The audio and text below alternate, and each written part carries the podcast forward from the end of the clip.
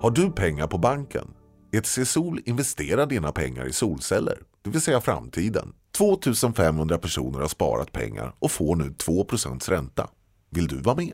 Läs mer om hur du sparar på etcsol.se. Vi ska välkomna också panelen. I mitten har vi författaren själv, P.O. Hansen, som har skrivit den här boken. Jag har hunnit läsa den. Jag tycker att den är helt fantastisk. Kan rekommendera er som inte har läst den att göra det. Kostar 300 kronor i bokhandeln. Här säljer Leopard förlag den för 200. Och så kan ni passa på att hugga P.O. på vägen ut så kan ni få den signerad. Eh, och vi har delat ut här också, hoppas alla har fått, ETC Nyhetsmagasin där P.O. Hansen bland annat är ledarskribent. Och i det här numret som vi har med oss så är det en stor intervju på åtta sidor där P.O. svarar på frågor om boken han har skrivit. Och man får också gärna passa på att teckna en prenumeration på den om man vill. Vi har också ett specialerbjudande här ikväll. Men vi välkomnar i panelen också Enna Gerin. Du är biträdande chef för Katalys, det fackliga idéinstitutet och Enna är också aktiv i Reformisterna, den socialdemokratiska partiföreningen.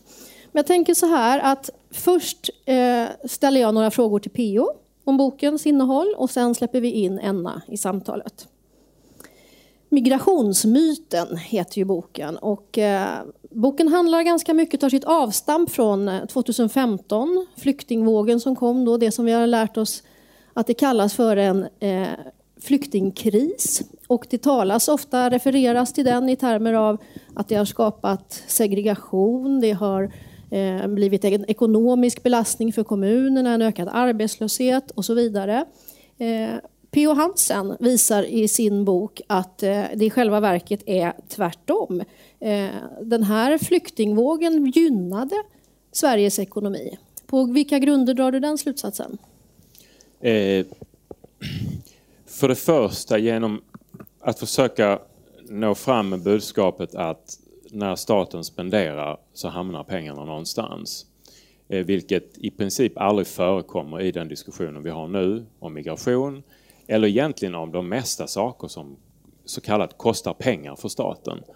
Då behandlar man det som att staten är som ett hushåll, så när den spenderar så försvinner pengarna. Men vad jag visar är ju att eh, när Sverige verkligen kom igång 2015 och började spendera, man tog extra budgetar, man, man, eh, man eh, skulle ta emot väldigt många flyktingar och integrera. Då innebar det en väldig boost för ekonomin. Eh, inte minst fick kommunerna väldigt, väldigt mycket pengar, men man anställde massa folk, hushållen fick extra och den offentliga konsumtionen i Sverige var, hade inte varit så hög sen på 70-talet och det gav naturligtvis en boost åt näringslivet som levererade eh, varor och tjänster till det som hände. Så att men någonstans var det väl en kostnad? Om staten delade ut bidrag till kommunerna så blev det ju en kostnad för staten. Var inte det ett problem? Ja, det är det som är problemet, att vi ser staten som någonting som kan ha kostnader. Utan istället så ska vi försöka förstå staten när det är som i fallet Sverige, när den, när den spenderar sin egen valuta, som den har monopol på att ge ut. Då kan, då kan den inte riktigt spara i sina egna pengar. Utan istället så ska vi se staten som att den, den både har och inte har pengar samtidigt. Och därför när staten spenderar så är, det inte, så är det framförallt inte frågan vad kostar det som vi ska fråga. Utan vi ska fråga var hamnar inkomsterna? För all spendering är per definition inkomster någon annanstans. Så det är det som är liksom eh, eh grundfrågan. Och så se vad pengarna gör där, vad, vad händer? Om vi återvänder till kommunerna, du, som du sa nu, då, det var faktiskt positivt ekonomiskt för kommunerna. Eh, om vi ska konkretisera det, du skriver i, tar många exempel i boken. Ett av de exemplen du tar är Laxå, en kommun som gynnades. Kan du förklara, hur gynnades en kommun som Laxå?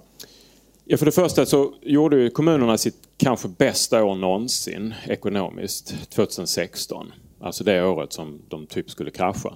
Eh, 281 av 290 av landets 290 kommuner gick med överskott. Och överskott hos kommuner, till skillnad från överskott hos staten, är en bra sak. Därför de kan använda pengarna. När det är överskott hos staten, då är det bara ett annat ord för att det finns underskott någon annanstans. Oftast hos hushåll eller till exempel kommuner eller någon annanstans. Så det är ganska farligt. Så att den här, alltså att kommunerna fick ju mycket, mycket mer pengar än vad de egentligen behövde till det som var avsatt för flyktingarna. Och det gladde ju de många kommuner som redan hade den strategin.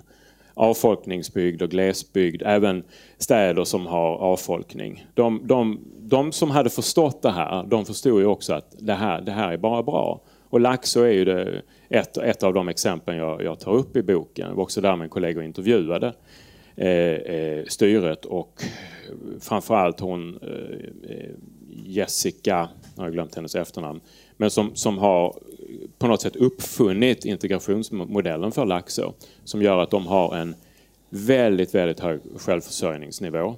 Eh, och det har de kunnat den maskinen har de uppfunnit med hjälp då bland annat av, av statliga pengar. Så vad de sa det var att det roligaste av allt var ju att pengarna var inte ett problem för en gångs skull. Utan de kunde använda sin kreativitet och det har slagit, eh, fallit väldigt väl ut i Laxå. Så Laxå kunde både ha tillräckligt med pengar för en oerhört genomarbetad integrationssatsning som faktiskt ledde till att de flyktingarna som kom lärde sig språket och fick jobb och sen blev det dessutom pengar över. Ja, Laxå var för inte så länge sedan Sveriges fattigaste kommun. Det är den inte längre. Och strategin som man tog, den tog man vid tror jag 2010 eller någonting, då man förstod att Laxå kommer permanent avfolkas. Det, det, folk sticker. Trots att man har företag, industrier runt omkring eh, som behöver folk. Eh, så att 2013 så ser man då för första gången sedan början på 70-talet så har man en befolkningstillväxt. Och det är enbart genom att man tar emot flyktingar. Och sen har det då rullat vidare. Laxå var en extremt skuldsatt kommun. En liten, liten kommun med 5-6 tusen invånare som hade 120 miljoner i skulder. De har man i princip skrivit av nu tack vare flyktingpengar men också tack vare att ekonomin lokalt har, har blivit mycket bättre. Det var ett företag i Laxå som skulle flytta till Belgien. De behövde inte göra det, de kunde anställa flyktingar istället. Så, så allting har liksom har, har pekat väl, i väldigt bra riktning. Och om jag får lov så ska jag visa hur riktigt långt det har gått i Laxå genom att läsa upp ett citat. Så får ni gissa vilket parti den här mannen kommer ifrån. Får frågan eh, om vad han då tycker om det här med, med, att det har kommit så många flyktingar till Laxå. Förra året var Laxå nummer ett proportionellt sett i att ta emot flyktingar. Så säger han citat. Laxå har blommat upp de senaste sju åren. Kan den här lilla kommunen roffa åt sig så ska vi göra det. De som har kommit hit har inte gjort så mycket väsen av sig och jobb verkar finnas också. Jag är inte främlingsfientlig utan tycker bara det är bra att folk ska, och att folk ska göra rätt för sig. Och det tycker jag de verkar göra säger Valle Åkerblad som sitter för Sverigedemokraterna i Laxå kommunfullmäktige. Det får han en applåd tycker jag. Valle ja. um, så det är liksom ett, det illustrerar, men det, han är inte ensam. Det finns liknande röster från, från åtminstone ett par andra kommuner. Det är ju en intressant diskrepans alltså vad kommunerna ser i verkligheten i, i ekonomin runt flyktingarna och hur retoriken förs, eh, förs eh, på nationell nivå. Det är ju totalt olika. Men eh, man kan väl säga så här också, förutom att du går igenom eh, vad flyktingvågen 2015 gjorde med ekonomin i, i, positiv mening för både staten och kommunerna så kan man säga också att en röd tråd i boken är att du slaktar begreppet sunda statsfinanser. Eh, det är ju någonting som vi har fått lära oss från både höger och vänster att staten måste ha ett stramt regelverk, en krona för krona-politik där allting är finansierat. Eh, men du PO, du lutar dig mot något som kallas för modern penningteori för att avslöja att det här är en ren bluff. Staten kan nämligen, som du nyss var inne på, inte jämföras med ett hushåll, en kommun eller ett företag. Och alla de tre hushåll, kommuner och företag. Vi måste ju faktiskt anpassa utgifterna efter inkomsterna eh, eller låna. Men så är det inte för staten. Du var lite inne på det nyss, men kan du utveckla? Det här är ju lite svårt att greppa. Kan staten spendera nästan hur mycket som helst? Det är ingen säger att staten ska spendera hur mycket som helst, men teoretiskt så kan den det. Eh, lyckligtvis så är det ingen som, som varken vill eller, eller har gjort det eller Eh, har det som någon framtidsplan.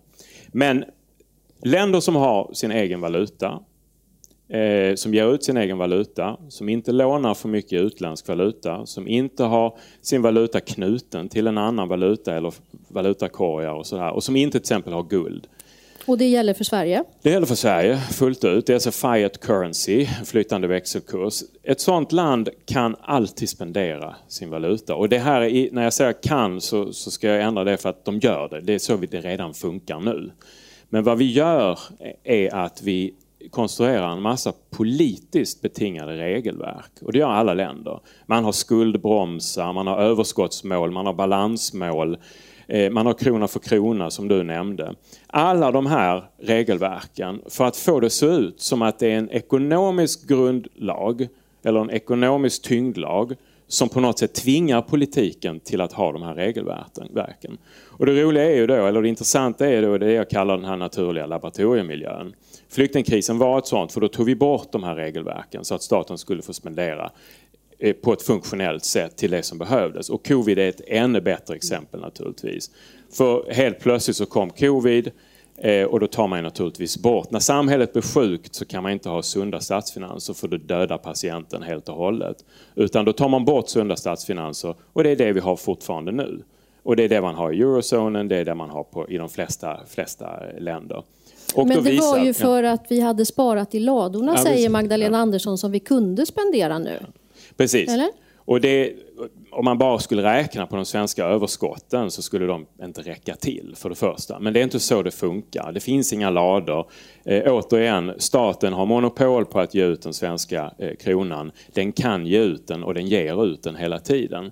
Ett land som Polen som i sin postkommunistiska historia aldrig har gjort ett överskott kunde spendera precis lika mycket som Sverige eller Storbritannien. Storbritannien har haft typ, typ fyra år av överskott på 50 år och kan spendera sitt pund precis som den, som den, som det, som den vill.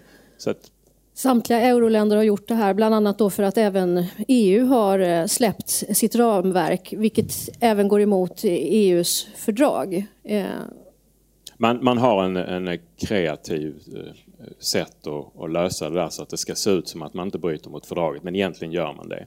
Men vad det handlar om det är att ECB, alltså den Europeiska centralbanken, har, har börjat att agera precis som Federal Reserve i USA eller Sveriges riksbank eller Bank of England, Bank of Japan och så vidare. Den garanterar till exempel eh, eh, då framförallt eh, skulderna i medlemsländerna och vad den sa i mars 2020 det var att man introducerade det här Pandemic Emergency Purchase Program. Där man helt enkelt bara, bara sa att det är lugnt för då hade skuldräntorna börjat gå upp på, på den italienska skulden och det blev panik. Men då sa man vi köper upp allting och det finns inga motprestationer den här gången som det fanns 2012 när Mario Draghi sa whatever it takes. För då följde det bara en massa, en massa austerity, åtstramningsvillkor för att, för att inte gå i statsbankrutt. Den här gången är alla eh, lampor gröna. Och det har gjort att till exempel Grekland nu har en mycket, mycket högre statsskuld än vad den hade när den riskerade statsbankrutt. Den har gigantiska underskott. Men den grekiska femåriga statsobligationen handlas till minusränta. Så, så farligt var det. Du skriver ju också i boken att eh, i början av flyktingvågen så fanns det väldigt mm, ett genomgående drag att det var väldigt positiva uttalanden från politiker. Att man såg att Sverige behöver människor och det här kan bli någonting positivt. Och sen bara var det som att en ridå drogs ner och så förändrades retoriken. Samtidigt har du studerat vad regeringen i sina egna utredningar faktiskt säger. Och, och samtidigt som man står utåt och pratar i negativa termer så visar de egna utredningarna någonting annat. Vad då? Ja, så det var ju det här lilla, lilla fönstret där 2015 då både svenska, tyska även italienska politiker faktiskt visade lite ansvar och lite ja, sunt förnuft. Och, och Morgan Johansson stod och sa att de här ensamkommande flyktingarna som kom från, eh, från Afghanistan och så vidare, att det var, det var bra för Sverige, sa han. Och sen ändrade man och bytte fot och så blev det en stor välfärdsbörda och så hade vi inte råd och så var vi tvungna att, att, att eh, stänga dörren. Eh, men det är som du säger, det finns en dubbelhet här. Därför att naturligtvis så, så vet ju regeringen och, och, andra som räknar på det här att Sverige har en väldigt unik ställning i dagens EU. Det är i princip ett av de få länderna som faktiskt ökar sin arbetsföra befolkning. Ett av de få länderna som egentligen inte åldras speciellt därför medianåldern i Sverige har stått still i, i, i över tio år. Och det är helt unikt både för EU och OECD. Så att, I en rapport så säger man till exempel att utan den, de utrikesfödda männen och kvinnorna som jobbar i äldreomsorgen så skulle äldreomsorgen inte klara sig. Men i den politiska debatten så skulle Socialdemokraterna idag aldrig någonsin nämna det. Utan då är det bara en börda. Ehm. Och då undrar jag så att Äldreomsorgen skulle inte klara sig utan de utrikesfödda och det är ju många andra branscher också där vi har en hög andel utrikesfödda. Eh, men om man nu vill öka statens utgifter, satsa, jag menar vi står inför en klimatomställning, det är massa satsningar runt det och infrastruktur, välfärden behöver satsningar. Eh, är det du pratar i boken om finansiella resurser, det är inget problem, och reella resurser, eh, vilket är en begränsning. Och med reella resurser så menar du alltså människor som jobbar. Och eh, det, där finns det ju en begränsning. Hur många, hur många barnmorskor finns det som kan, kan jobba när, när den branschen krisar? Eh, är det så att om vi vill bygga välfärd och klimatomställning och, och verkligen satsa framåt så, så visar du att vi har de finansiella musklerna.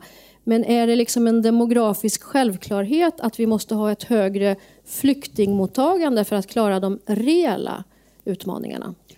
Nej, jag, jag, hävd, jag gör inte det enkla argumentet som, många, som det finns många som gör, som, som då bara säger att utan invandringen så, så klarar vi inte oss och så vidare.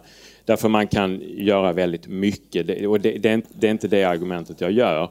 Men jag, samtidigt så säger jag att det är ju inget dåligt att, att få massa folk i arbetsför ålder och få massa, massa eh, eh, eh barn och så vidare som gör att, att eh, Eh, man egentligen inte har det här bekymret som väldigt många andra länder har med, med en kraftigt ökad, ökat åldrande och, och sen ska man då se till att, att eh, det finns folk som, som kan ta hand om, om de, de äldre. Sen har ju Sverige haft det här finanspolitiska ramverket som har gjort att vi har slaktat vården och omsorgen under 30 år nu. Och det är klart, det har ju bäddat för att vi har då väldigt stora brister i vård och omsorg. Men eh, 55 procent av eh, de som jobbar i äldreomsorgen i, i Stockholm är utrikesfödda. 30 eh, procent nationellt. Eh, I vården, man kan ta sjukhus efter sjukhus, det, det, det är väldigt över, alltså proportionerna av utrikesfödda. Och sen naturligtvis människor som är, som är födda av utrikesfödda föräldrar. Det är väldigt, väldigt höga tal. Så att det, det talar för sig själv. Om man blir nyfiken på detta så finns det ganska mycket i boken, också exempel på olika delar av samhället där du sätter siffror på det här. Men jag tänkte en sista fråga innan vi släpper in Enna. Du använder i din bok begreppet funktionella statsfinanser. Mm. Vad betyder det? Funktionella statsfinanser var ett begrepp som lanserades direkt efter andra världskriget av en ekonom som hette Abba Lerner. Och han fick även med sig en sån som Milton Friedman, konstigt nog, på det här eh, tåget. Milton Friedman var på den tiden eh, ingen, ingen monetarist. Men eh, funktionella statsfinanser, det upptäcker man efter andra världskriget. Och det har väldigt intimt att göra samman med, med det här att man gick av guldmyntfoten. Och då upptäckte man så att jag har en gammal sån här eh, volym med tidskriften Tiden från jag tror 1933 eller någonting. Och då Sverige har gått av guldet eh, och det är många länder som har gjort det. Och man upptäcker att helt plötsligt så kan man ju faktiskt göra saker.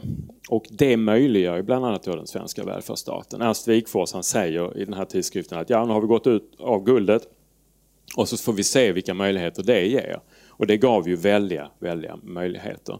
Så funktionella statsfinanser, det var helt enkelt man sa att istället för att hålla på med de här guld och, och, och, att man ska ha en guldmyntfot som alltid bara kraschar ihop ändå och skapar de här enorma katastroferna som det gjorde på, på 20 och 30-talet. Så kan vi börja och rätta budget efter reella mål istället.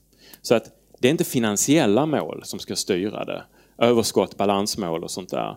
Utan vad USA till exempel såg efter andra världskriget och många andra länder var att man hade en väldigt, väldigt hög statsskuld som man trodde man aldrig skulle kunna ha. Eh, men det var ju för att man hade gått av guldet. Eh, man hade inga speciella inflationsproblem eh, och man hade nästan full sysselsättning.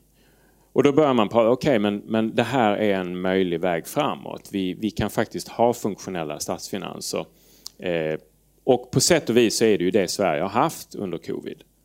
Eh, man tog bort det sunda statsfinansramverket, tog man bort därför man insåg att det var, skulle leda till en total katastrof. Och samma sak i euroområdet.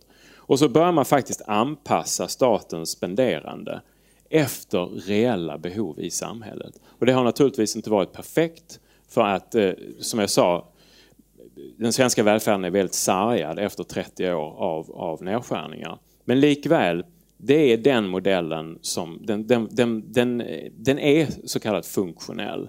Man, man droppar det här med hur mycket vad de här, hur mycket krona budget, för krona. Mm. Ja, precis, och budgetunderskott och allt sånt där. Utan man säger att här är reella behov, låt oss anpassa budget till det. Vi släpper in Enna. Du har läst boken. Eh, både via Katalys och Reformisterna så har du också länge drivit en kritik mot det här eh, strama ramverket och de så kallade sunda statsfinanserna. Nu har du också fått sätta dig in i modern penningteori här genom boken. Eh, vad känner du när du har läst boken? Har- Är det någonting som, som var nytt för dig? Har du på något sätt omvärderat någonting av din politiska inställning? Mm. Ja, alltså vi på Katalys, då, tankesmedjan Katalys, vi har ju varit med och introducerat eh, mycket av den här debatten kring eh, modern penningteori i Sverige, som inte fanns för några år sedan överhuvudtaget, medan den var väldigt blomstrande i USA och på andra håll. Och då bestämde vi oss i princip att vi, vi vill bara att debatten ska föras i Sverige, så vi gav ut lite olika eh, rapporter och eh, böcker med lite olika positioner som kanske ibland gick emot varandra. Eh, men, men, eh, men vi tyckte det var så viktigt att, att de här frågorna togs upp också, också här i Sverige. Bland annat eh, har vi samarbetat mycket med den brittiska ekonomen Anne Pettifor eh, som också är lite mer keynesian, men, men hon, hon har gjort en bok som heter Produktionen av pengar. Eh, Och också hon har varit med och bildat det här med Green New Deal-konceptet. Eh, eh, Peter Bofinger är en tysk ekonom som är väldigt ansedd och väldigt egentligen mainstream. Men han, av de tyska liksom, mest kända ekonomerna är han den som flörtar mest med modern penningteori. Liksom, eh. Eh, vi har samarbetat med positiva pengar som jag vet eh, är en annan slags eh, rörelse för en liknande grej som MMT. Det som du eh, Modern penningteori. Ja, modern penningteori. Förstatliga pengarna heter den rapporten och så vidare. Stephanie Kelton eh, har vi också varit med och gett ut hennes bok. Det är den amerikanska eh, ekonomen som då hon är MMT. Hon är det närmaste man kan komma MMT. Då. Så, och, och jag skulle säga absolut. Alltså, så de här liksom, olika varianterna av modern penningteori, eh, de förändrar ju helt och hållet på något sätt ens eh, sätt att se både på ekonomin och på politiken. Så de är väldigt så, radikala på det sättet. Eh, men samtidigt så har ju vi på Katalys och LO och många andra instanser från vänsterhåll under många år, under årtionden varit kritiska mot det här finanspolitiska ramverket, mot eh, överskottsmålet. Eh, och det har ju varit mer, det är ju den här klassiska liksom, behovet av expansiv finanspolitik, en slags vänster, vänsterargument som ibland liksom eh, också kommer nära det här, men det här är ju eh, ett snäpp till på något sätt i, eh, i staters möjlighet att spendera och möjlighet att trycka pengar eh, och ta kontroll över pengaproduktionen från de privata bankerna som nu, nu bara liksom trycker ut pengar för, för att ge ut bolån och tjäna pengar på dem själva. Liksom. Eh, Så att eh, den, den debatten har ju pågått i 30 år. Eh, Den om att vi behöver en mer expansiv liksom, finanspolitik. Eh, politiken måste in eh, eh och, och spendera pengar, sätta folk i arbete, bygga bostäder, eh, göra investeringar, göra en klimatomställning och så vidare. Eh, jag tänker nästan som att det är en, eh, en skala. Om vi på ena sidan har det här som vi har haft det här extrema åtstramningspolitiken, alltså den nyliberala åtstramningspolitiken som både socialdemokrater och högern har fört eh, med det eh, finanspolitiska ramverket. Eh, och sen har vi en skala ner till den andra liksom, sidan, om det är modern penningteori. så, så, så kan man ju hamna liksom lite på olika ställen på, det här, på den här skalan. Eh, och jag är, jag är inte helt säker på om jag är helt frälst och har helt liksom gått över till modern penningteori än. Jag är fortfarande liksom lite så här, jag måste läsa på mer. Eh, Men, men de här grunderna som du tar upp i boken, det köper jag absolut. Eh, Samtidigt så, så, så vill jag ändå inte slänga bort verktyget skatt så lätt. Det, För gör, ju, det gör ju inte PO heller. Men, men jag hör här att du, det, det finns delar som du vill pro, pro, problematisera. Eh, du har ju liksom läst många andra teorier och gett ut rapporter. Eh, vad Mm. Nej, är det du vill skatt, alltså problematisera? jag tänker att du, du nämner ju också på vilka sätt skatt är viktigt. Eh, men du säger att det inte är för att finansiera. Jag har fortfarande lite svårt att ge upp den här tanken, du kanske kan övertyga mig, men, men att man ska skilja på investeringar och löpande utgifter och att, eh, ehm, att man ändå kanske inte eh, ska lånefinansiera liksom löpande utgifter. Eh, Men att, men att vi borde bredda väldigt mycket begreppet investeringar som faktiskt går att lånefinansiera och som staten ska liksom kan se till att det finns pengar för att, eh, att satsa på. Eh, och det tänker jag är ju lite det som har skett i USA på senare tid. En enorm debatt om vad är egentligen då en investering? Eh, kan vi också liksom investera i välfärden, i förskolor, i, i, i, i trygghetssystem? Eh, är det också liksom sociala investeringar som, som skapar reella resurser? Eh, så att investeringar inte bara är infrastruktur, det är inte bara bygga järnväg och eh, liksom så, utan det kan, det kan breddas mycket mer, eh, tror jag. Och var det någonting som förvånade dig när du läste boken, att du liksom fick någon aha-upplevelse där? Eh, alltså så här, för min del så, så var, har ju jag kommit i kontakt med de här modern penningteori. Eh, och de här ekonomiska delarna, där, där, där har jag varit rätt så insatt, så där var det ingenting nytt för mig. Däremot tror jag att jag inte är så representativ. Jag tror att för gemene man som läser den här boken så är den stora aha-upplevelsen, det är den här ekonomiska biten. Eh, eh, för att det är verkligen en ögonöppnare när man börjar förstå hur pengar produceras och statens roll som eh, liksom den som producerar pengar och så vidare. Eh, men för mig så var det mest liksom det som, som var nytt och kanske mer förvånande för mig var de här migrationspolitiska eh, analyserna. Eh, för där hade jag inte lika bra koll.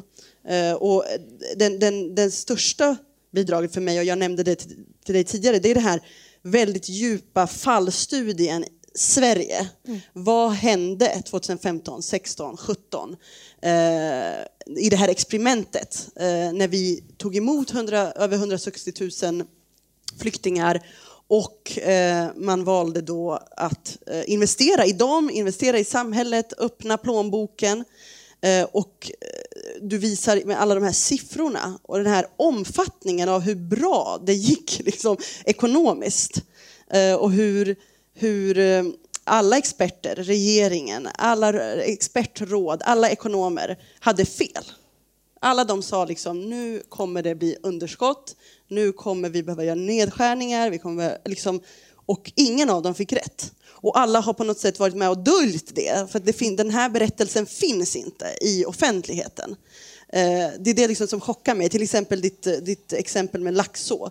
Eh, jag har inte kommit i kontakt med det, jag har inte läst det någonstans. Ändå är jag intresserad av de här frågorna, läser på om de här frågorna. Så att den, den berättelsen om vad som faktiskt hände ekonomiskt eh, i och med flyktingkrisen, det, det, den är en aha-upplevelse. Eh, men också en annan del eh, som, som var ny för mig är ju dina diskussioner om EUs migrationspolitik, som jag inte heller totalt insatt i. Och, och speciellt EUs liksom misslyckade arbetskrafts eh, alltså politik för arbetskraftsinvandring. Eh, att man så totalt, monumentalt misslyckas med att attrahera eh, den arbetskraft som egentligen behövs på grund av den åldrade befolkningen.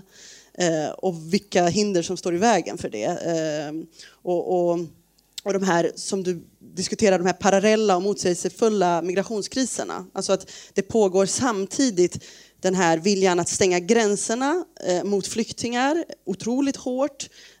Fort Europa liksom. Låta dem sjunka där i Medelhavet, för det bryr man sig inte om.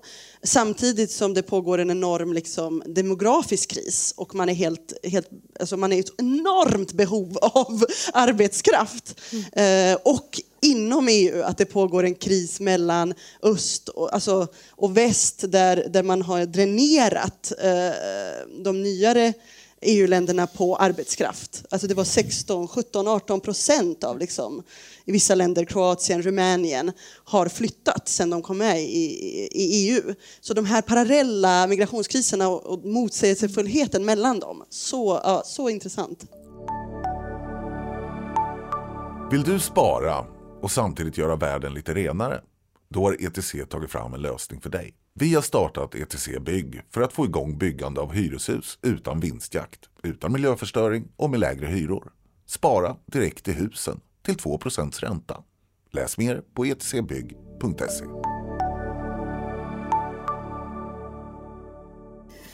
En fråga till då innan vi släpper in PO igen i samtalet. Det var ju meningen som ni har sett som har eh, sett annonseringen för den här kvällen att Göran Greider skulle ha varit med. Eh, nu är han tyvärr sjuk och fick lämna återbud. Eh, vi hoppas att han snart kryar på sig. Men jag hörde ju Göran Greider här för några veckor sedan när det var Socialistiskt forum här i ABF-huset. Och då så fick Göran Greider frågan vad behöver Socialdemokraterna göra för att gå framåt i nästa val? Och han svarade att han tror att man behöver ta ett stort kliv åt vänster i den ekonomiska politiken men man behöver ta ytterligare ett litet steg åt höger när det gäller migrationspolitiken och lag och ordningspolitiken. Eh, nu är inte Göran Greider här och kan försvara den ståndpunkten men befolkningen är ju liksom lite upplärd så. Eh, flyktingar kostar och därför är det en belastning. Och eh, det är ju lite som spelteori. När folk folk tänker så, så får vi utgå från det. Eh, eh, och då tänker jag, Enna, oavsett vad du tänker själv, vill du göra ett försök att försvara den positionen?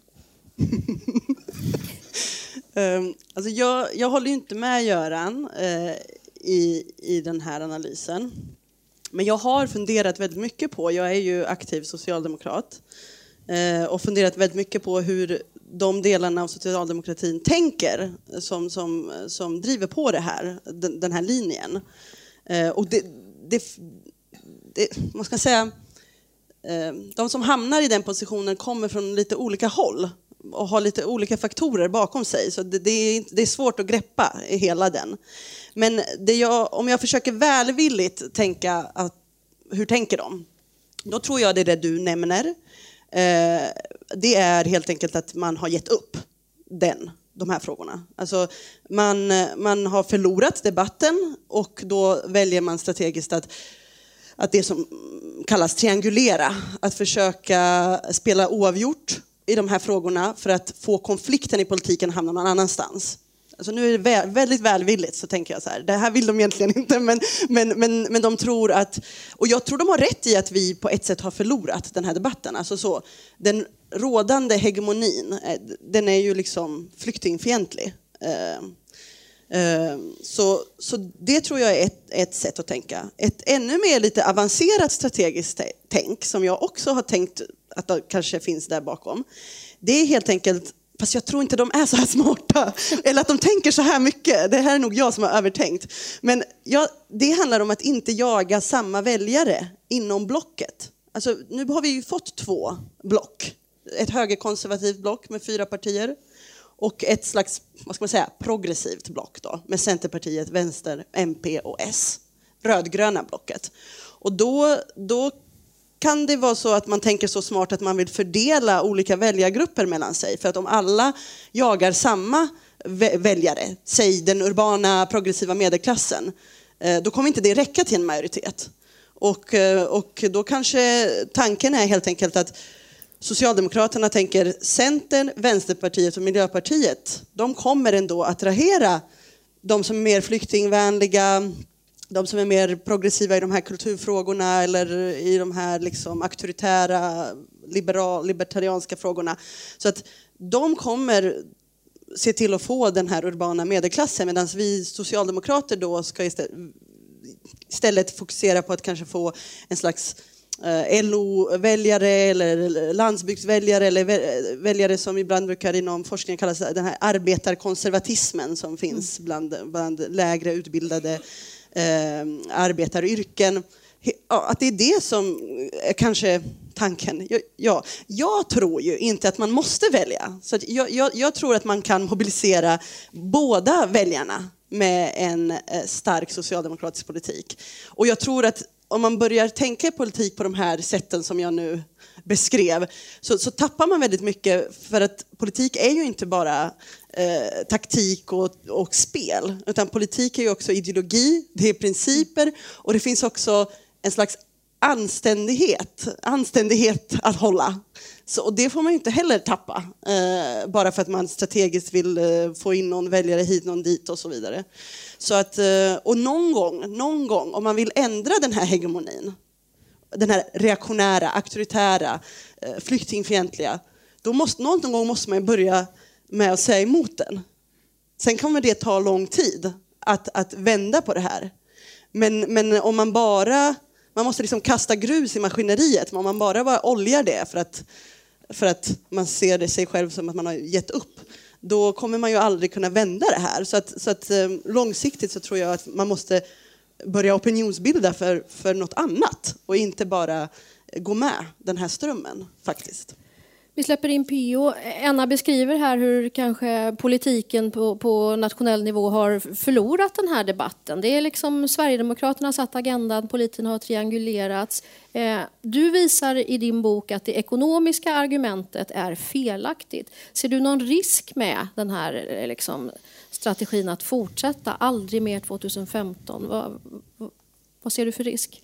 Ja, ja, det är ju det, den jag försöker och eh, ja, motbevisa i, i boken. Att, men, men det är väldigt svårt, för jag menar, ibland får man ju bara liksom acceptera att jag tror att många tänker, att egentligen så tycker, när socialdemokrater pratar det här språket, aldrig mer 2005, så tänker man egentligen eh, så tycker de inte så här, utan det är bara liksom taktiserande. Men man får kanske bara acceptera att nej, men de tycker nog så. Eh, eller jag kan liksom inte agera på något annat sätt. Nu är det så de säger och nu är det så de gör. Så då, då är det väl så. Och, och så får man försöka göra någonting annat och fortsätta att eh, argumentera eh, emot. Det är liksom, men det är ju någonting väldigt bekymmersamt när, när då för att jag menar i Tyskland så, så startade ju en, en, så kallad folkrörelse, Aufstehen, eh, ur Die Linke, eh, en del av en fraktion av Die Linke som ville starta en, för, en folkrörelse typ till vänster mot eh, flyktingar. Eh, som tur var misslyckades den ju kapitalt. Eh, men vad den försökte göra är ju på något sätt att sälja in nyliberal eller neoklassisk ekonomisk teori som arbetarklassens frälsare. Och det är tyvärr det som de som hävdar att, att eh, flyktingarna kostar för mycket och som är till vänster, det är det de gör att de utgår från ett helt neoklassiskt eller nyliberalt paradigm och förstår inte att de faktiskt är det. Att det är det, det, de, det de saluför. Eh, och så tror man att det på något sätt ska vara arbetarklassen. Och det, det andra väldigt jobbiga i det här som är, som är rysligt, det är ju att på något sätt så, så, så ska man hålla fast vid eller förfäkta idén om att arbetarklassen är, ja vad är den? Nationell. Men samtidigt så ska man vara socialist. Och jag tycker det är djupt problematiskt. Eh, det, kan bara, det slutar alltid illa. Eh, utan istället erkänna att folk som har kommit hit kan också vara arbetarklass och är det i allra högsta utsträckning. Så jobba med den frågan. Jobba. Det finns en kollega som forskar om det som kan visa att det finns ju fackförbund idag som har en majoritet med utrikesfödda som, som medlemmar. Så om inte det är arbetarklass och om ni inte vill ha den och ni är socialdemokrater eller vänster, ja, men då, då, då vet jag inte vad jag ska säga. Liksom. Så det, det, det, tror jag, de sakerna måste upp eh, på bordet. Enna, du har ju själv kommit som flykting till Sverige eh, och du är van att i samhällsdebatten klumpas ihop. Flyktingar eh, leder till segregation, belastning av ekonomin. Nu visar PO i sin bok att det är ett falskt narrativ. Det är i själva verket en flyktingbonus. Vad gör det med dig? Ehm, jag hade en aning. Just det har jag inte tvivlat på. Att jag inte är en börda eller ett problem eller en kostnad eh, för det här samhället som jag är en del av. Ehm, men jag kan, jag kan berätta en gång när den här debatten blev väldigt personlig för mig. Speciellt då som socialdemokrat. Um, och jag är så glad att du lyfter och dokumenterar det här i din bok, PO. Um, ehm, eh, för att och det handlar om när Magdalena Andersson, då, som nu är vår statsminister och partiledare, gjorde de här utspelen om att flykting, flyktingarna, flyktinginvandringen skapar barnfattigdom. Uh, och när jag läste det här i DN, den här intervjun med Magdalena Andersson, eh, det här var våren 2018, så bröt jag liksom ihop. Alltså så, hejdlöst. Um, rubriken i DN var Barnfattigdom skäl för stramare flyktingpolitik. Um, och jag ska berätta lite kontexten till att jag liksom bröt ihop, eller det här sammanbrottet, och varför jag reagerade så starkt Um, av den här intervjun. Eh, jag, den här våren så skrev jag min masteruppsats och jag satt på Kungliga biblioteket här inte långt ifrån. Eh, och jag, eh, det var de sista veckorna och jag var ju helt liksom, otroligt stressad, för lite sömn, otroligt pressad. Jag satt, när biblioteket öppnade till det stängde, jag och skrev och skrev och det var liksom sluttampen av, av en uppsats som jag skrev då. Och jag skrev då min uppsats om den här frågan. Jag skrev om Socialdemokraternas skifte i migrationspolitiken efter 2015. Eh, så jag var helt insnöad i det här. Liksom. Migration, socialdemokrater, folkhemmet, svenska modellen. Och eh, så kom den här artikeln upp på datorn och jag började bara gråta. Eh, och fick liksom lämna salen för att jag störde så mycket. Och varför reagerade jag så starkt? Jo, för jag kände ju att i den här artikeln så, så skyller Magdalena Andersson sina ekonomiska misslyckanden på mig. Eh, på ett femårigt flyktingbarn som kom till Sverige 93. Eh, för att hon, I 30 år har hon varit inblandad och väldigt högt uppsatt under Göran Perssons tid på 90-talet, budgetsaneringen och så framåt. Liksom. I 30 år har hon varit med och fört den här åtstramningspolitiken, alltså där man hela tiden har fokuserat på att betala av statsskuld, betala av statsskuld, betala av statsskuld, betala av statsskuld eh, istället för att satsa på samhället. Och den här politiken som du kritiserar, det är den som har skapat problemen. Det är den som gör att vi har hög arbetslöshet. Det är den som gör att staten inte bygger tillräckligt med bostäder. Det är den som gör att socialtjänsten har eh, för lite resurser. Eh, det är liksom jobb, eh, det är bostäder, det är socialtjänst. Det är den som gör att välfärden har fått göra nedskärningar i 30 år. Och sen när vi ser resultatet av alla de här misslyckandena och vi har ökande ojämlikhet och vi har en exploderande barnfattigdom, då sätter sig ansvariga för den här politiken och säger det är för att vi har tagit emot flykting, flyktingar som vi har hög barnfattigdom nu i Sverige. Det är de som har skapat barnfattigdomen. Eh, och det, det, alltså det gjorde mig så oerhört besviken och ledsen. Liksom. Ja. Mm. Det, du visar ju i din bok, P.O. att det är eh, det här tänket är i, i grunden nyliberalt. Och du, du skriver ju återkommande i den här tidningen, ETC Nyhetsmagasin, och en av de texterna du skrev så kritiserade du Vänsterpartiet och hävdade att de i sin ekonomiska politik är i grunden nyliberala. Vi skickade den texten till deras chefsekonom och frågade om han ville svara. Han tackade nej. Men eh, eh, det här liksom att det i, i, vänstern, att man har accepterat det här liksom neoklassiska ekonomiska paradigmet med, med sunda statsfinanser. Du kritiserar Socialdemokraterna, du kritiserar Vänsterpartiet. Skulle du säga att även eh, partiföreningen Reformisterna som Enna eh, representerar, eh, är de också i grunden nyliberala? Alltså, nej. Jag, mm. Om vi börjar i rätt ände, där du börjar med den här artikeln om Vänsterpartiet, så är det bara, det är, det är inte jag den enda som har sagt att Vänsterpartiet tyvärr ställde upp på, på sunda statsfinanser och ställde upp på det finanspolitiska ramverket.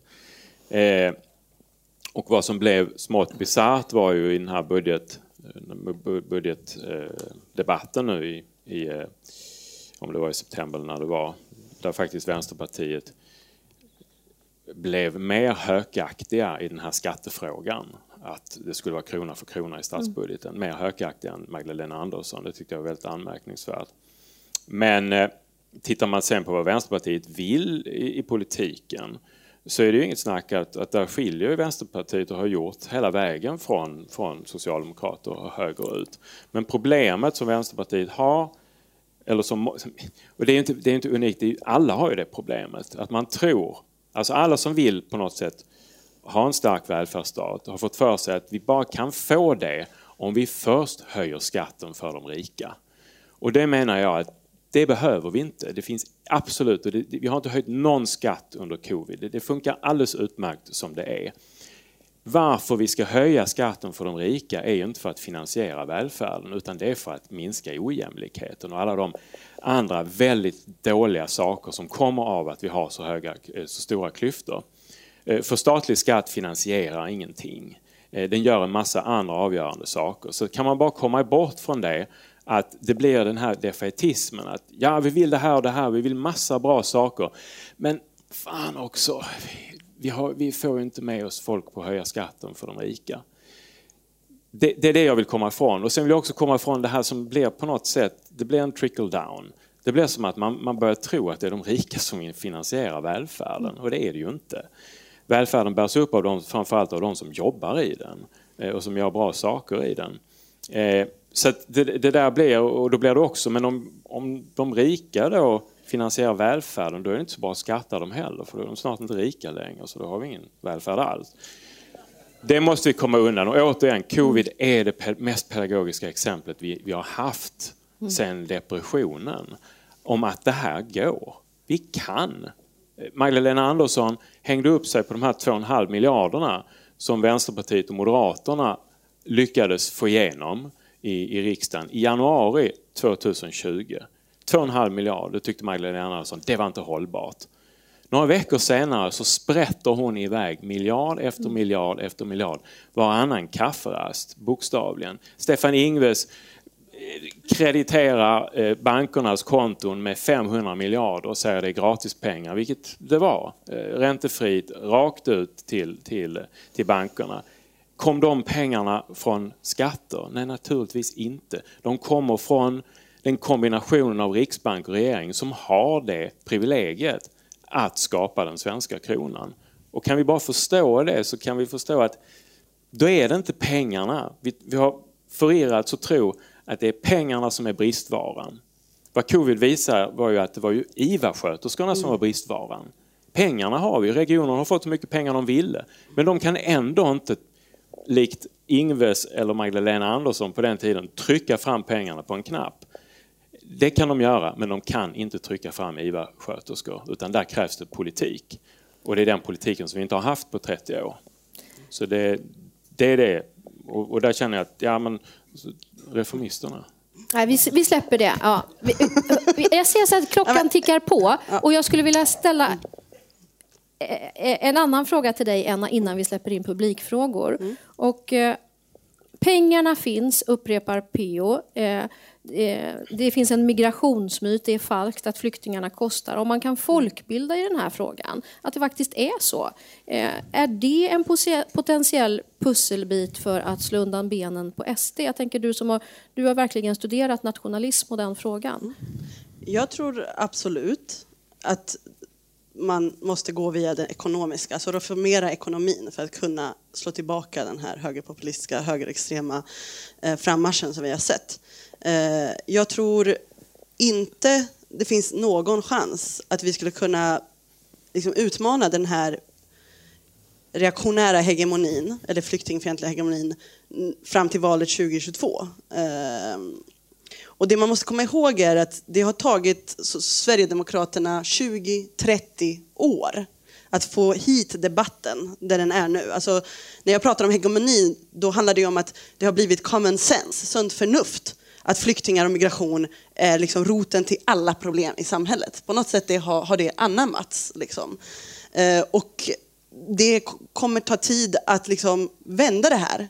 Och det är därför den här boken är så oerhört viktig. För att det här är liksom eh, det här är ett akademiskt, ett intellektuellt, eh, ett empiriskt eh, startskott, inlägg i att börja den här långa, långa vägen till att eh, ändra förståelsen av hur, hur, samhället fungerar, vad som skapar de problem vi har, eh, vilken tillgång eh, migration och flyktingar är eh, och så vidare.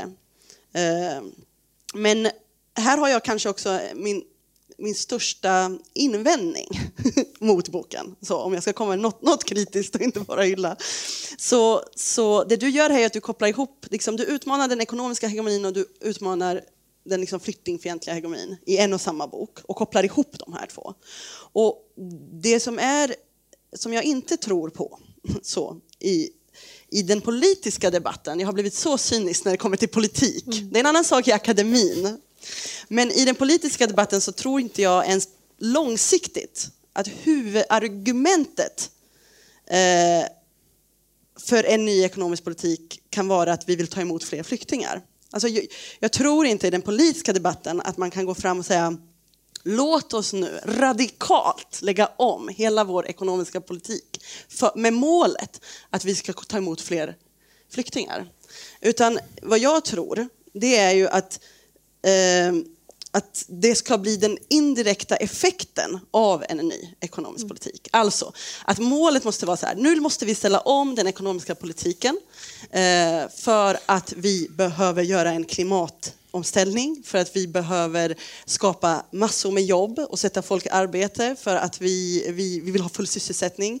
Vi, vi måste investera i välfärden, vi måste investera i våra trygghetssystem, vi måste ha bättre pensioner. Därför måste vi ställa om ekonomin. Eh, för vi måste bygga ett rättvisare, mer jämlikt och starkt samhälle. Den indirekta effekten när vi skapar det här, det är ju att det kommer eh, slå undan benen på SD. Det kommer göra människor mindre rädda för migration och flyktingar. Eh, folk kommer inte känna att de måste slåss om brödsmulor utan kommer känna att vi har faktiskt eh, vi har råd eh, och vi känner oss trygg, trygg, tillräckligt trygga för att, för att också ha en mer humanistisk flyktingpolitik. Så det, det, det, är det som jag, som jag kan bli lite, den, den politiska liksom, debatten blir lite rädd för med den här boken, det är om, om, man drar den här kopplingen, att vi ska ändra den ekonomiska politiken för att ta hit fler flyktingar, då, då tror jag det blir en lång väg att gå i, i, i opinionsbildande syfte. Jag låter inte PO svara på det. Va? Jag det måste han! Ja, han får kanske det sen. Men därför att hörni, klockan går och jag tycker att det är viktigt också att vi får in några frågor från publiken innan vi eh, rundar av. Och jag skulle vilja uppmana er att ställa korta frågor för vi har lite tid. Ska vi börja här eh, längst fram? Agneta? Agneta, Agneta Stark. Ehm, det finns ju ett könsgap i den politiska opinionen. Det finns ett könsgap i den ehm, politiska ehm, världen just nu som är bland de största vi någonsin har sett. 2,5 procent av unga kvinnor stöder Sverigedemokraterna. Ungefär 24 procent av unga män. Och det är framför allt är det LOs kvinnor som håller emot. Min fråga till er, vad drar ni för slutsats av det? Ska man nu koka ihop att LOs kvinnor är emotionella varelser mot sunda statsfinanser, alltså implicit för osunda statsfinanser, för det är ju liksom den falska motsatsen. Hur ska man analysera, tänka? Har de fattat mera? Är de i en annan position i samhället? De är en betydande del av arbetarklassen samtidigt som kvinnorna utbildar sig mer, också de här kvinnorna, för allt vad tygen håller. den moderna framtidsmänniskan är en kvinna inom LO-området. Men det är inte så det låter. Dra slutsatser för den här ekonomiska vändningen som ni vill ha. Samlar vi ihop frågor eller? Ska vi samla ihop frågorna? Vi, vi, tar ett par frågor till. Upp med händerna. Vi kanske kan ta någon längre bak nu, nästa fråga. mannen som sitter där kan få nästa fråga. Ja. Hejsan, Bo Lundgren heter jag. Eh, det här resonemanget fick ju en väldigt bra illustration om hur statens finanser fungerar i det här fallet. Men det känns ju som om boken använder flyktingkrisen för att eh, Eh, få hem en politisk eller en poäng när det gäller ekonomin. Va? Eh, om man ska gå tillbaks till flyktingkrisen eller flykting in Vågen. Kalle, bra. Eh, då är det bara en del av migrationen och eh, om det finns, det finns två trender i befolkningsutvecklingen som är alldeles ofrånkomliga. Det ena är att vi kommer så småningom att få minskande befolkningar i allt fler länder runt om i världen. Och vi kommer också få eh, åldrande befolkningar. Så de som tycker att vi ska försöka gynna oss själva genom att få hit unga friska för att kompensera det här i längden kommer det inte att fungera om vi nu styr frågan tillbaks till just det här med flyktingpolitiken. Vi tar en, en, sista fråga från publiken, då, upp med händerna och sen låter vi panelen svara på detta. Eh, här har vi en fråga. Håller vi den kort, för vi är på väg att rinna ut med tiden. Ja, nej, jag vill först bara säga att du berättade här om att hur man kan använda boken i praktisk folkbildningssyfte. Det tycker jag låter jättebra, men då kommer man också fram till eh, som eh, hela det här, det handlar om arbetstillfällena. Och jag tror inte med den enorma tekniska utveckling, robotisering är mera, alla tunga jobb är borta, det ska vi vara verkligt glada åt. Borgarnas svar är att utveckla tjänstesamhället, pigavdrag med mera, med mera, med mera. Jag tror ändå man måste vara öppen till syvende och sist för att gå ner i arbetstid. För du kan få folk att ändra på och se att det finns hur mycket pengar som helst. De kan skapas. Det är penningmängden som ändras. Det kan man justera. Så man behöver inte gå in på detaljer här, fast det skulle vara intressant. Men det det gäller att det finns arbetstillfällen, för annars kommer människor som blir arbetslösa. Det är så enkelt och så har det varit genom hela historien. Man lägger skuld, skulden på de svaga grupperna. Och ett sådant samhälle vill vi inte ha. Vi, vi sätter stopp där och så jag vill skicka med en fråga till faktiskt in, in, in, till panelen. Och det är så här, när vi publicerade eh, den här tidningen som ni alla har fått hoppas jag, så publicerade vi en jättelång intervju med PO och jag har fått jättemycket reaktioner på den. Och den vanligaste reaktionen är en fråga. Eh, det här låter ju bra, staten kan spendera, men är det ändå inte farligt? Får vi inte en inflation som sticker iväg? Och det är en fråga som många oroar sig över. Så jag skulle vilja kanske att du säger något om det också. Men vi fick tre spännande frågor från panelen. Vill du börja, Anna? Mm. jag tror det är bäst PO eh, tar de här frågorna. Men den här men... frågan som Agneta ställde till en början, till exempel hur vi ska analysera eh, könsgapet ja. i politiken, det är också din fråga? Ja, det är absolut. Eh, och i Katalys valanalys som jag var med och skrev så problematiserar jag ju just det här bilden som många inom sossarna har om den här konservativa LO-arbetarna. För att det är ju verkligen jätteproblematisk eh, vad ska man säga, fantasi som man har målat upp just för att LO är väldigt splittrat i det, alltså kommunal med majoritet eh, kvinnor har röstat väldigt lite eh, på SD. Eh, så att och det finns också ett annat problem som du nämnde, är ju att en stor del av arbetarklassen också är de eh, utrikesfödda eh, i sig, som kanske inte eh, så många är sd heller och så vidare. Så man måste problematisera den här den här bilden av eh, den, den SD-röstande LO-arbetaren. Eh, eh, den är också falsk på många sätt. Och den representerar ju inte hela arbetarklassen, utan en väldigt, väldigt liten, alltså en minoritet, en specifik minoritet inom arbetarklassen. Men vad det här har för implikationer för, för den här för modern penningteori, det, det vill jag mer höra vad du, vad du tänker kring.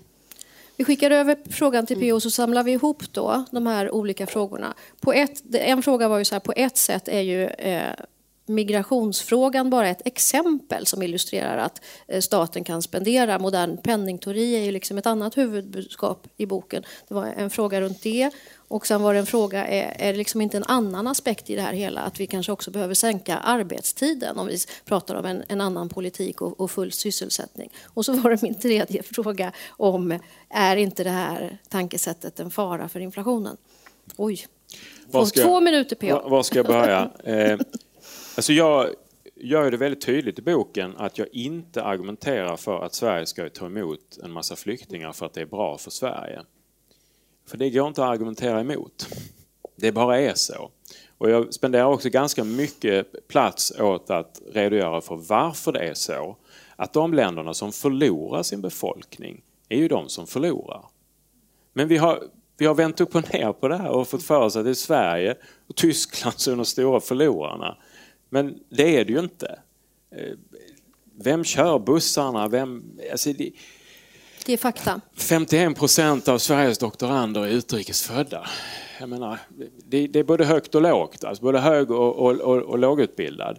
Så att det är det jag vill ta, ta bort det argumentet att det här är en fråga om vi har råd eller inte. Det är inte affordability den här frågan ska diskuteras i, utan det ska vi ta bort. Så att det är därför jag säger att det är inte, det är inte, det är inte mitt argument, vilket ju vissa ekonomer hävdar att oh, vi måste ha in folk annars går det inte. Vi kan göra massa saker eh, genom vår, vår, vår kreativitet eh, som, som, som gör att det här mekaniska, att vi måste ha de här människorna annars går det inte.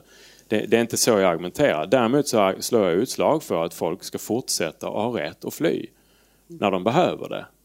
Och där, har vi, där kan vi inte göra så mycket annat än att upprätthålla det. Men då säger jag också att detta får inte ses som vår uppoffring att ta emot människor. Människovärdet, mänskliga rättigheter har vi för att vi värderar människor och människovärdet. Det är inget offer.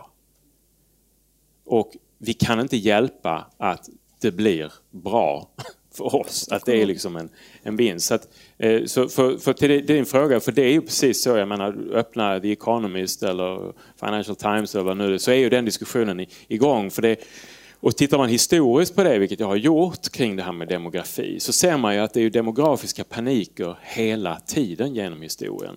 Så direkt efter andra världskriget, ja men då var ju Europa överbefolkat. Och så skapade vi massa policy för att skicka ut en massa människor. Det tog tio år så var det underbefolkat. Och då skulle vi ha hit en massa människor. Och sen kom det 73 och då, då skulle vi inte ha någon arbetskraftsinvandring för nu var det hög arbetslöshet. Så då skulle folk lämna eller så skulle vi sätta stopp. Och fram till 2000 så sa ju EU centralt att det var zero migration policy. Vi behövde inga migranter i EU. Och så bytte man fot och sa nej vi behöver 50 miljoner. Så det där kan vi inte lita på. Utan, och där, demography as destiny måste vi komma bort från. Vi, har, vi är människor, vi är kreativa, vi kan göra massa saker.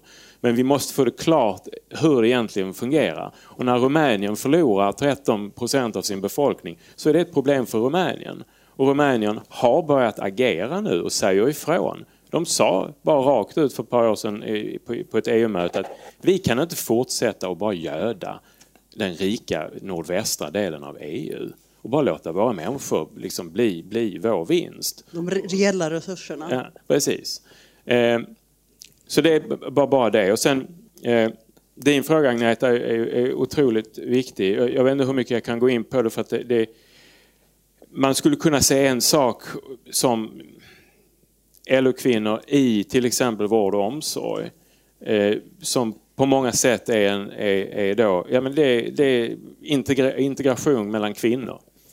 Eh, jag är, har, har, har det i familjen... eller i, min, min storasyster har varit sjuksköterska i, i 30 år. Och, och hon kan den där storyn. Liksom. Jag behöver inte berätta för henne hur det ser ut med, med, med vilka arbetskamrater man har och hur det, hur det funkar och varför hon inte har några som är, som är SD runt omkring sig. och aldrig haft. Eh, Inflationen. Mm. Det är jätteviktigt för det är, det, det är elefanten i rummet om vi inte tar upp den. Ehm, för att det är överallt nu naturligtvis. Ehm, när, när Grekland gick, gick upp i 30 procents arbetslöshet och 60 procents ungdomsarbetslöshet så var, det, så var det bra. Det hade Magdalena Andersson inga problem med. Utan de har inte gjort rätt för sig och då blir det som det blir. Får vi lite inflation däremot, då är alla på pumparna. Liksom. Då, då är det fara och färde. Och det är som i Tyskland. Man går tillbaks till 23 och oroar sig över det som hände då med inflationen. Men depressionen och vad den ledde till, den, har, den, den glömmer man gärna. Eh, det viktiga med inflation är inte som Milton Friedman falskt påpekade, att inflation alltid och överallt, sa han, är ett monetärt fenomen. För hade det varit det så hade vi alltid haft hyperinflation. I och med att vi skapar pengar hela tiden. Japan, som då enligt alla de här neoklassiska teorierna måste vara det landet som har permanent hyperinflation, har permanent deflation, än idag. De har världens högsta statsskuld, de har ingen arbetslöshet, de har gigantiska budgetunderskott varje år. Och jag, faktiskt, jag läste senaste numret av The Economist eh, när jag åkte tåg hit och till och med där börjar slanten liksom trilla ner. Att, ja, säger de, de har ju haft det här i 20-25 år. Det verkar inte vara något problem. Det är, inte det, det, är inte, det är inte så inflation funkar. Utan inflation är istället för ett monetärt fenomen alltid ett empiriskt fenomen. Så när man får inflation som man tycker är för hög så måste man analysera det och ställa frågan var kommer inflationen ifrån? Och om den kommer från eh, olja och, och, och elpriser, energipriser, ja vad hjälper det då om Riksbanken höjer räntan? För vad händer om Riksbanken höjer räntan? Ja, då ökar ju penningmängden. Då ska det ju betalas ränta på allting. Är det, är det liksom att bekämpa inflation? Eh, eller ska staten spendera mer för att OPEC och Saudiarabien sätter priset? Vi är ju pristagarna för oljepriset. De sätter priset. Och det spelar ingen roll vad den svenska staten gör. Så att de frågorna måste man ju ställa. Och är det så att oljepriset skapar en jättestor inflation, ja men då får man ju fundera på om man ska sluta och göra, vara så beroende av olja. För det hjälper inte att sänka barnbidraget. Det, det påverkar inte oljepriset, men vi tror det. Så att det där med att oj, underskott och, och statsskuld, stora pengar har, har, har liksom skapats, det ger inflation. Turkiet har eh, över 20 procents inflation, har en lika liten statsskuld som Sverige, har en jättehög arbetslöshet. Va, va, det är inte den här relationen som vi tror. Så att det, är, det är det viktiga med inflationen, att, att ha is i magen och bara analysera var kommer den ifrån och sen vidta åtgärder om den är för hög. Och, och informationen nu i Sverige som alla diskuterar, det säger ju alla liksom experter just nu, beror just på el, mm. i, i elpriserna. Ja. Men om vi ska runda, hörni, vi har faktiskt dragit över vår tid lite grann. Så jag tänker att eh, vi rundar av kvällen. Vi, vi tackar Pio och Enna och jag hoppas att ni i publiken har blivit lite klokare. Kanske har ni fått en tankeställare runt det här med att eh, pandemin faktiskt visade att det finns hur mycket pengar som helst. Det, det, det liksom bevisade Theos, Pios teori i praktiken och det här begreppet funktionella statsfinanser vi behöver inte fråga oss hur mycket pengar har vi tagit in genom skatt och vad ska vi göra med dem. Vi kan börja i andra änden. Vi kan fatta demokratiska beslut runt hur snabb klimatomställning vill vi ha? Hur stark välfärd vill vi ha? Och, därför, och utifrån det sätter vi budgeten. Och där tänker jag att man kan skicka ut den frågan till publiken, gå hem och, och tänka själv. Vad skulle jag vilja förändra i samhället om vi hade funktionella statsfinanser? Och vi tackar kvällens panel med en applåd. Tack, det är jag. Tack, Tack så mycket.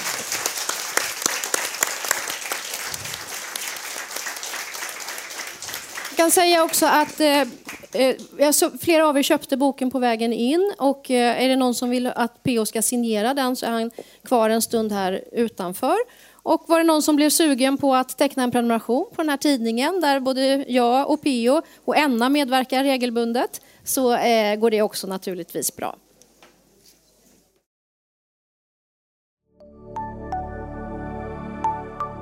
Visste du att 90 procent av medierna i Sverige är borgerliga? Samtidigt har extremhögern byggt upp en hel pamflett av propagandasidor. Dagens ETC är dagstidningen som ger hopp och ryggrad att stå emot den blåbruna sörjan. Sveriges enda röda dagstidning för en grönare värld. Testa att prenumerera idag på etc.se.